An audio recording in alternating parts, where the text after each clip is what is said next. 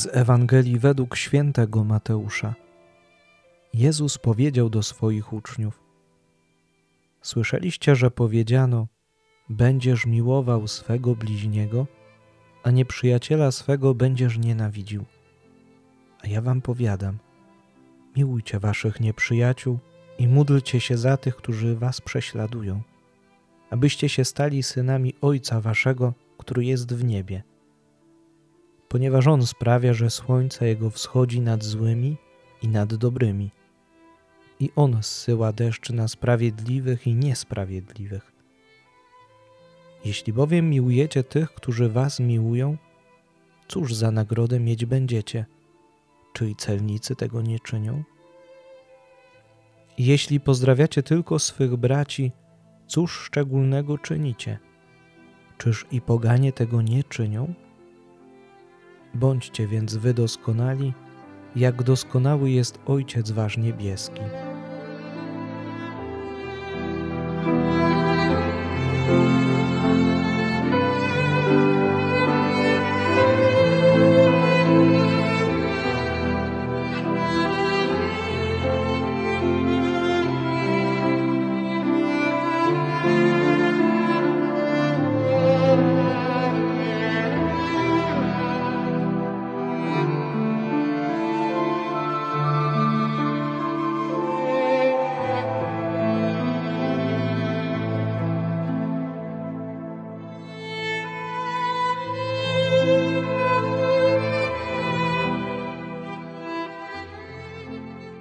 Usłyszeliśmy przed chwilą wezwanie do doskonałości.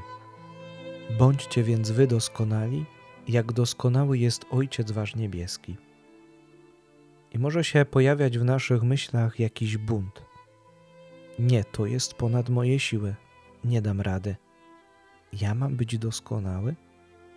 To chyba wymaganie ponad moje możliwości. Ale święty Mateusz pokazuje nam, że droga do doskonałości prowadzi przez miłość nieprzyjaciół. To prawda, jest ona bardzo trudna i skomplikowana, wymagająca od nas przełamania się, zmiany nastawienia do innych. Ale mimo wszystko ta doskonałość jest możliwa do zrealizowania. Jak to wykonać? Pokazał nam sam Pan Jezus, kiedy wisząc na krzyżu modli się: Ojcze, przebacz im, bo nie wiedzą, co czynią. Ktoś powie: Tak, ale to był Pan Jezus. Zwyczajny człowiek nie potrafiłby przebaczyć swoim oprawcom.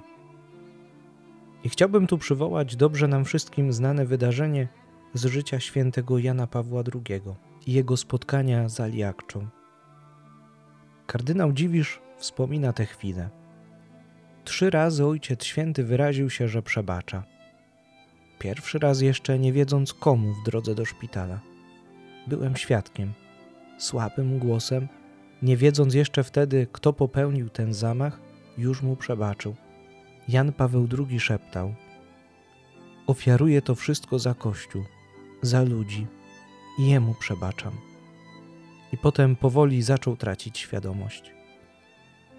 Później w pierwszą niedzielę, gdy miał anioł pański, publicznie przebaczył. Następnie odwiedził Aliakcze w więzieniu Byłem w tej samej sali, dlatego mogłem słyszeć całą rozmowę. Ojciec Święty pojechał do niego jak do brata, żeby w roku jubileuszowym okazać mu swoje przebaczenie i życzliwość, mówi kardynał Dziwisz. Pierwszym i podstawowym warunkiem miłości nieprzyjaciół jest prawdziwa miłość każdego człowieka.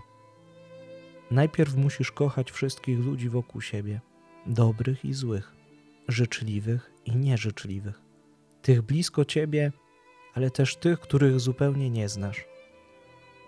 Nie oznacza to oczywiście, że mamy wpadać każdemu w ramiona, ale kochać to chcieć dobra dla drugiej osoby.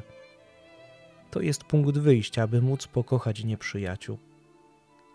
Czasami możemy się zastanawiać, dlaczego tak wielu ludzi jest do siebie wrogo nastawionych czyhają tylko na czyjeś potknięcie, patrzą jak i kiedy można drugiemu wbić jakąś przysłowiową szpilę. Dlatego, że nikogo nie kochali tak naprawdę. Nie wiedzą, co to znaczy kochać. Może nigdy tej prawdziwej, bezinteresownej miłości nie doświadczyli. Może zostali zranieni, wykorzystani, skrzywdzeni i ktoś w nich tę miłość zabił. Cierpią na niemoc kochania. To jest chyba jeden z problemów dzisiejszego człowieka. A Chrystus staje dzisiaj przed nami i zachęca, abyśmy od Niego uczyli się kochać. Od Niego uczyli się miłości czystej, ofiarnej i bezinteresownej. Być chrześcijaninem to znaczy kochać. To znaczy wpatrywać się w miłość Boga i tak zwyczajnie na co dzień ją naśladować. Tylko z miłością możesz przejść od nieprzyjaźni do przyjaźni. Tylko z miłością możesz zmienić drugiego człowieka, aby stał się jeszcze lepszy.